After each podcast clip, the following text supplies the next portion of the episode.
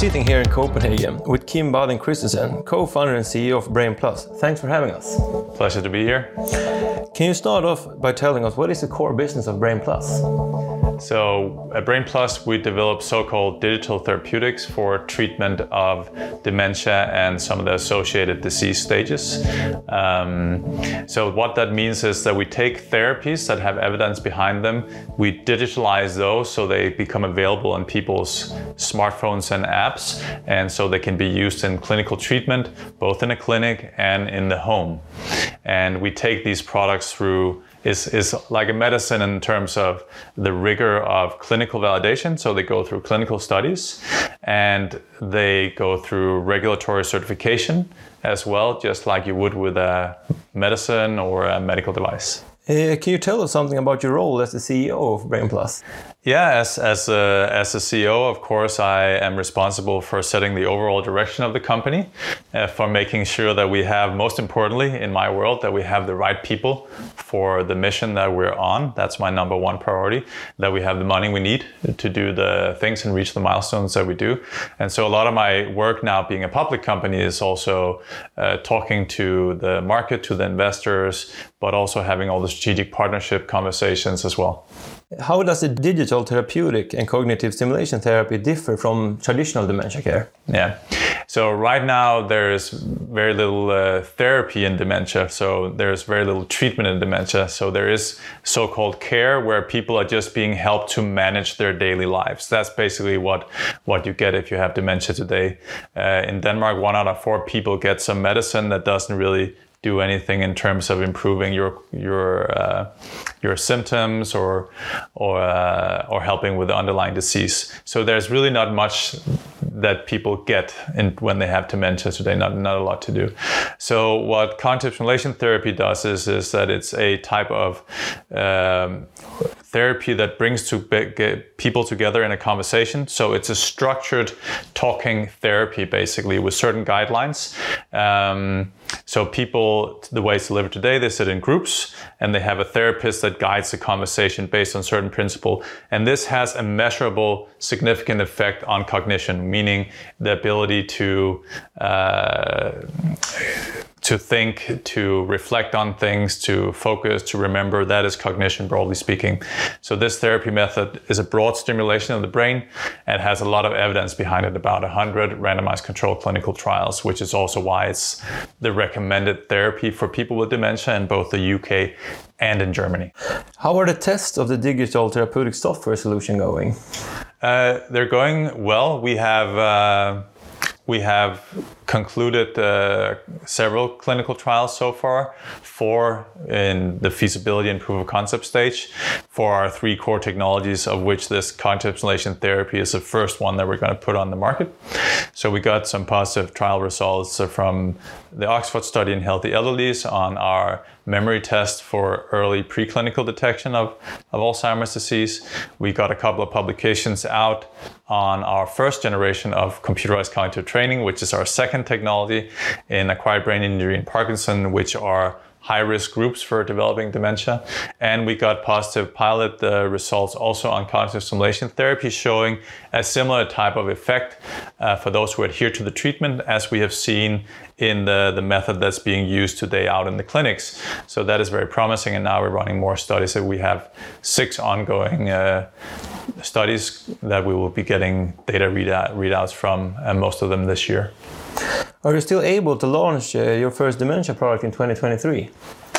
Uh, yes, and in fact, we have uh, very good news on, on that front, uh, which we last uh, Friday um, announced actually for that we'll be able to launch the first product already this year in 2022. So, so that's all in all now three years ahead of plan versus what we were uh, saying in the IPO. Yes.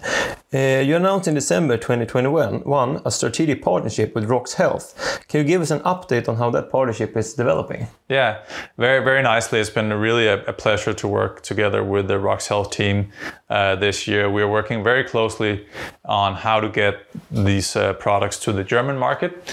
Uh, so we're starting with the first product, which is the same one that will launch in Denmark this year. Uh, that one will launch in, in Germany next year. That's the cognitive stimulation therapy product called Therapist Companion. And so our regulatory team and their regulatory team have been working very closely together to find out what is the right pathway and sequence for that from a regulatory perspective.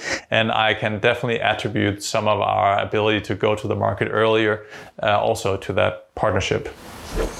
You carried out an IPO on First North Copenhagen in September 2021. How has that impacted the company? Uh, very much in different ways. So I think the first for me, as from the CEO chair again, has been the ability to attract really good talent. So we've managed to hire some amazing people since uh, since we IPO'd. Our new uh, CFO uh, Bertil Jensen, uh, several people within the scientific area, clinical, regulatory, uh, that would otherwise be hard to get. Um, we've managed to get new board members. Uh, earlier in August, we announced three new board members, of which one of them is the the the, the chief of R&D at uh, Lundbeck and is one of the foremost experts in the world on Alzheimer's and dementia, and, uh, and two other very heavy hitters within life science and digital therapeutics.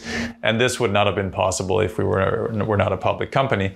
And of course, we also exerted to the market, which has been really interesting experience. The whole market has been down this year, and we have followed the index, but actually we broke that trend uh, this week. We've just recovered. Uh, uh, almost our the, the full decline this year, um, which puts us among one of the top performing companies now in First North in uh, in Denmark.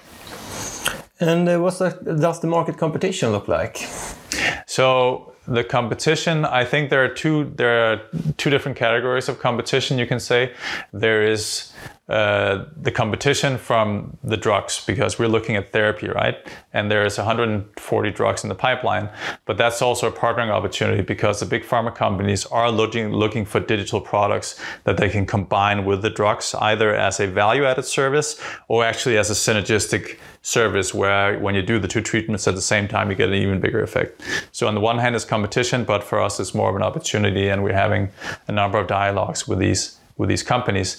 Then in terms of just our own category, which is which is software, we are I mean we're literally the pioneers and the only ones doing the cognitive stimulation therapy uh, software, and uh, and then there are uh, companies offering uh, memory games types things but they're not they have no clinical evidence in in dementia uh, so they're not really they're, they're more like for keeping elderly people and people with dementia active.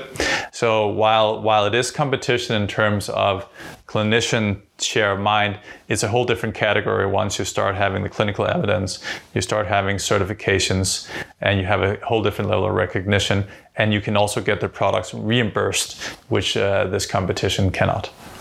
Uh, going forward, how big is the market potential? So we see the overall addressable market potential for digital dementia treatments to be 5 billion US dollars today, and that will grow to around 15 to 20 billion within the next 10 to 15 years. And if we look at a comparable market, which is the market for digital diabetes treatment, which is the most mature one, that is already more than 6 billion US dollars a day, and that is forecasted to grow to 30 billion US dollars within the next six years. if you look at the cost of diabetes worldwide, that's about 800 billion US dollars. The cost of dementia is already 1,000 billion US dollars, so it's already much larger. So we really see a very big potential and a very big unmet need in this market. Finally, why should people invest in Brain Plus? I think uh, we have a very unique position, uh, being the first with this uh, digital therapeutics for dementias, particularly cognitive stimulation therapy, uh, where we're working closely with the global KOLs on this as well. We have a, a, team that has all the competencies, and we, if you look at the team roster, you'll see that you're investing in very good people that has been our primary concern all the all the way, uh, including including the management team. And then we have not only the the CST, but we have two other technologies we're working with already working with some of the leading universities uh, in the world on on dementia, including Oxford University, to develop our products. We have been very good at getting validation and grant funding also. So we raised over uh, 8 million euros worth of grant funding, soft funding. So there's a lot of things that have put us in a very good position, working also with a big patient organization, Alzheimer Europe, Alzheimer Disease International, the Global Alzheimer's Association are in our projects. So we're really in a very good position, not only with the technologies, but also with the partners, and also where we are in terms of uh, the market readiness for digital therapeutics. Thanks for having us, Kim, and good luck in the future. Thank you.